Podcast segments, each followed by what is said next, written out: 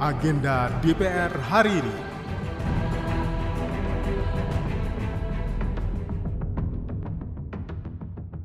Halo, apa kabar? Saya Tiara Mustika, kembali mengajak Anda mencermati agenda kerja Wakil Rakyat hari ini, Rabu 24 Mei 2023. Hari ini terdapat 6 kegiatan yang akan dimulai pada jam 10 pagi. Agenda pertama, Ketua Grup Kerjasama Bilateral atau GKSB DPR RI untuk Parlemen Kroasia, Ferdian Shah, akan menerima Duta Besar Kroasia untuk Indonesia, Mr. Nebosha Koharovic, bertempat di Gedung Nusantara 3, lantai 2, Kompleks DPR RI, Senayan, Jakarta.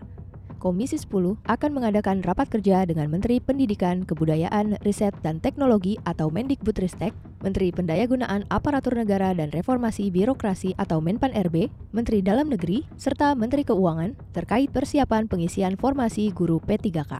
Komisi 7 akan melaksanakan rapat kerja dengan Menteri ESDM. Komisi 5 akan melaksanakan rapat kerja dengan Menteri Pekerjaan Umum dan Penataan Ruang atau PUPR, Menteri Perhubungan, Kepala Badan Meteorologi, Klimatologi dan Geofisika atau BMKG, serta Kepala Badan Nasional Pengelola Perbatasan atau BNPP terkait evaluasi mudik 2023.